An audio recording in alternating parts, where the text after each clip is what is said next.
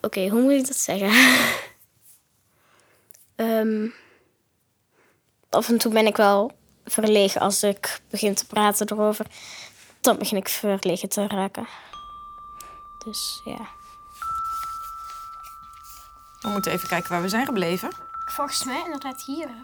Hier zaten we ergens, hè? Denk ik wel. Ja, dit hoofdstuk moeten we gaan lezen.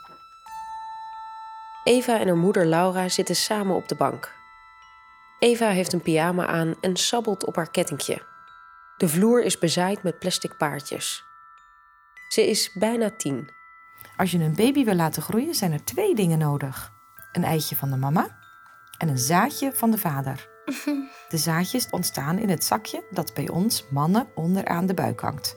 Achter onze brandspuit bedoel je, zei Jeroen. Door de piemel natuurlijk, hè? Ja, brandspuit is een beetje een rare naam. Maar wel grappig. Ja, Seksuele voorlichting uit vergeelde boekjes. Het is een herkenbare jeugdherinnering. Maar voor Eva ligt het net een beetje anders. Kinderen die het graag willen weten, begonnen dat aan mij te vragen. En ja, dan denk ik van, ik weet er ook niks over. Ik kan je daar niks over zeggen. Dus toen ben ik mama vragen gaan stellen en toen zijn we gaan lezen.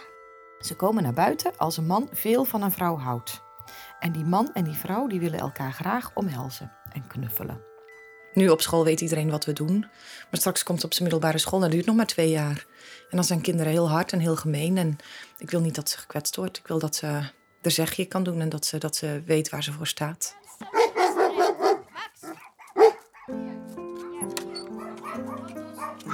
Eva woont in een klein houten huis iets onder Antwerpen. Ik heb een boom met nu achterin in het bos. Wel leuk dus. Ze woont samen met de enorme herder Max, twee kleine chihuahuas, een troepje kippen en haar van oorsprong Nederlandse ouders Laura en Maurice. Ik zeg gewoon, ze hebben een beroep waar ze blij mee zijn. Daar verdienen ze centjes mee. Ze mogen zelf kiezen wat hun beroep is. Voor de rest kan ik er niks over vertellen.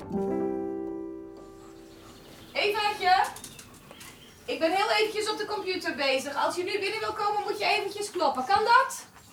Dankjewel. Duurt maar eventjes. Eh, even kijken, kan je een stukje laten zien? Dit is clitoortje. Ik kijk of dat ze geschikt zou kunnen zijn in de film. En dan is het ook belangrijk dat ze nog wat tekst kunnen uitspreken. Plus ze moeten nog zo'n gevoel hebben voor seks... dat de man ook nog klaar kunnen komen. Maurice en ik hebben een keer eh, op iemand zitten wachten in de duinen in Knokken. In de kou. En als je dan anderhalf uur moet wachten tot iemand eindelijk weer eens een keer een stijve krijgt en klaar kan komen... ja, dat is niet leuk. oh, even wachten, Eva. Ja, schat.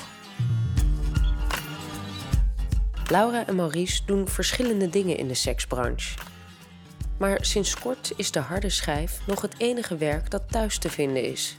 Zweepjes, voorbinddildo's, eh buttplugs. Dat is hier allemaal niet meer. Eva wordt groter. En ik kan me voorstellen dat ze af en toe toch misschien nieuwsgierig is. Zoals ik vroeger ook. Ik was eigenlijk een heel braaf meisje. Ik had ook nooit een spijkerbroek aangehad. Ik droeg altijd donkerblauwe rokjes met witte kniekousen. Ik zat op een christelijke school, dus elke maandagochtend moest je voor een cijfer moest je psalmen uit je hoofd leren. Eh, de Bijbelboeken uit je hoofd kennen. Voor mij was dat normaal. Laura groeit zorgeloos op in de gereformeerde Hoekse Waard. Maar na haar achttiende wil ze meer. Ze gaat scheikunde studeren. Het was anders dan eh, ja, trouwen, spinazie koken enzovoort. En dat is wat ik wilde. Ik, wilde. ik wilde iets interessants gaan doen. En toen ben ik eh, het uitgaansleven gaan ontdekken. Toen ben ik eigenlijk een beetje losgekomen. Eh, en ik ben ook nooit meer teruggegaan naar de Hoekse Waard. Zou dat ook niet meer willen. Na haar studie werkt ze bij TNO en als manager van een uitzendbureau. Viel toen standaard op foute mannen. Maurice was fout. Hij was eh, eh, stoer, eh, recalcitrant, eh, gebruind. had van die lekkere armen, charmant. Ik ben gewoon hopeloos verliefd op hem geworden. Ja. Maurice is investeerder en eigenaar van een stripclub. Er is alleen één probleempje. Maurice is nog getrouwd en Laura doet niet aan getrouwde mannen. Ze zien elkaar vijf jaar niet. Maar bij toeval lopen ze elkaar weer tegen het lijf. Maurice is inmiddels alleen. Ik denk een week later hadden we een afspraak. We zijn naar de sauna gegaan en we zijn nooit meer uit elkaar geweest. Uiteindelijk bleek het een, een, een geweldige echtgenoot en een uh, geweldige vader voor mijn kind te zijn. Laura en Maurice hebben een gedeelde hobby: vissen. Op een ijskoude dag besluiten ze daarom naar een visserij in België te rijden. De afgelegen Goorhoeve. We hebben er een hartstikke mooie snoek ook kunnen vangen. En er stond een heel groot bord met te koop. En een maand later hadden we de sleutel. Ons idee was een rustig leven. Wij wilden geen kinderen, we zouden ook niet gaan trouwen. We zouden gewoon lekker genieten van elkaar, van het leven. En tussendoor zouden wij onze, onze tavernevisserij op de Goorhoeve runnen. Maar dat is iets anders gelopen.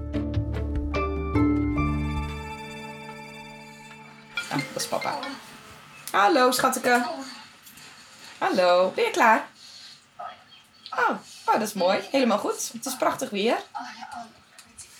We zitten net naar een casting van Scarlett te kijken met geluid. Oké. Ja? Ik zie je zo. Dag schatje. Op de Goorhoeve, zo heette het al, gaan de zaken goed.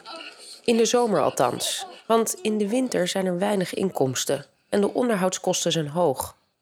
Omdat Maurice al eerder een stripclub gerund had, denken ze opeens een oplossing te hebben. Wij gaan paaldansavonden doen. En dan hielden we een stripavond waarbij meisjes gewoon in bikini dansten. Dan kon je 5 euro in het broekje uh, stoppen. En, en je kon een lapdance kon je doen. Uh, ons café had nog nooit zo vol gezeten. Dat was echt bizar. Toen zagen we na die eerste keer van ja, nu hebben we op één avond hebben we net zoveel omzet als anders in een hele maand. Plus wij merkten zelf van hé, hey, hier zijn we veel meer voor geschikt dan het serveren van koffietjes.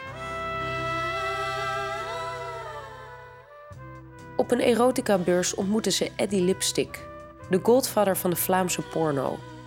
Hij stelt voor om het uit te breiden met swingersavonden. Overal waren mensen bezig met van alles en nog wat. We moesten regelmatig doekjes met Dettol over, de, over het barblad uh, heen vegen. Om alles nog een beetje schoon te houden. een beetje netjes te houden. Vrijdagavond hadden we dan nog een, een erotisch caféavond. Zaterdagochtend om, om 6, 7 uur stond Maurice uh, bij wijze van spreken de condooms van de parkings op te rapen. En moest snel het podium moest afgebroken worden. Want de jagers en de rattenvangers kwamen om 8 uur bij ons koffie drinken. En die mochten daar niks van, van merken.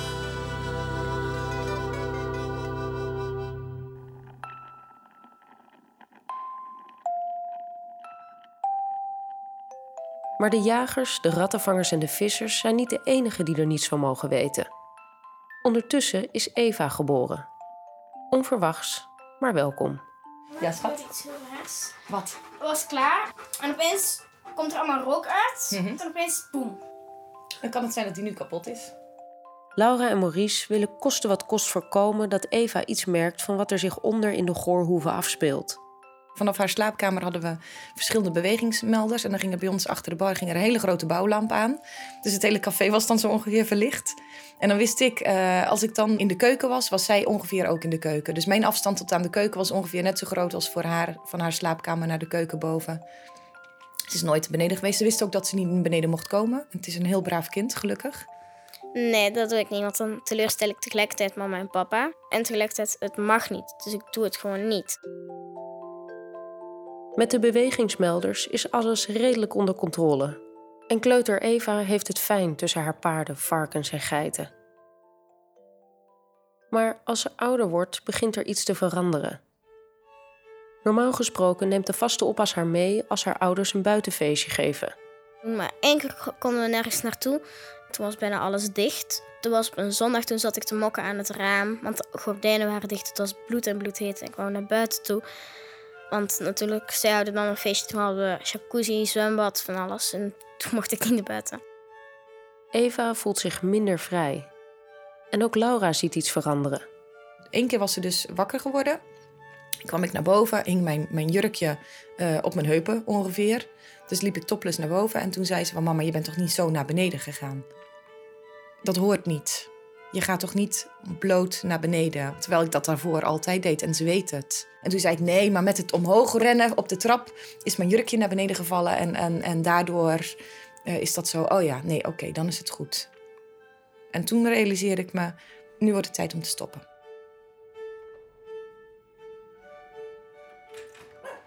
Oh, allemaal super. Kom binnen. Welkom, meneer. Dank u, dank u. Het is eind van de middag en vader Maurice komt thuis. Het is een gezamenlijke beslissing die we genomen hebben. En eh, bij mij gaat mijn dochter altijd voor. Het is klaar en duidelijk gewoon. Nou, dat mag zien hoor. Nee. Ze besloten de goorhoeven te verkopen. En Laura, Maurice en Eva zijn inmiddels verhuisd. Zo'n 15 kilometer verderop. Naar een bezemkast. Ik ben er eigenlijk nu na twee jaar pas een beetje aan gewend. We hebben heel weinig rente, maar we kunnen ermee leven.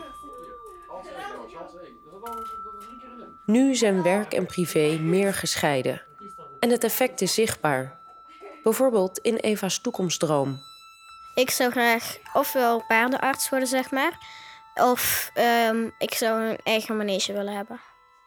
Het is vroeger paaldanseres of eh, dierenarts. En nu is het eigenlijk alleen dierenarts of paardrijjuf overgebleven. Laura en Maurice zijn ook andere werkzaamheden erbij gaan doen. Maar hun oude carrière helemaal opgeven, dat doen ze niet. Wij organiseren nog steeds af en toe swingersfeestjes. Eh, ik organiseer nog regelmatig gangbangs. En films doen we met momenten. Zoals veel ouders zoeken Laura en Maurice naar de juiste balans tussen werk en gezin. Ze willen het beste voor hun kind zonder carrière en passies op te geven. bij elkaar willen blijven wonen. En ze willen hun dochter beschermen en haar tegelijkertijd voorbereiden op het volwassen leven. elkaar toe. Ze kussen elkaar, ze knuffelen, ze houden elkaar heel vast. En zo vast dat het lid van de man in de schede van de vrouw komt. Wij zijn er bewuster mee bezig met wat kan ze wel eh, zien, wat kan ze niet zien, wat kunnen we wel zeggen, wat kunnen we niet zeggen. Dat zij daar op een normale manier mee om. Daar hopen we in ieder geval. Dat ze er op een normale manier mee om leert te gaan. Je weet wel, hè? Dan gaat je achter de plasser, niet de plassers af. Ik heb nog een paar vragen, zomaar. pff, ik denk iets van vijf vragen, maar volgens mij komt dat wel allemaal in het boek terecht, want we zijn nog niet over de helft van het boek. En als je nu het boekje uit hebt, dan weet je misschien wel iets meer. Ga je dan wel de klasgenootjes daarover vertellen of dan hou je het voor jezelf? Ik hou het gewoon voor mezelf, want ik denk van de ouders mogen zelf wel kiezen wanneer dat ze het vertellen aan hun kinderen. Dat denk ik eerlijk gezegd.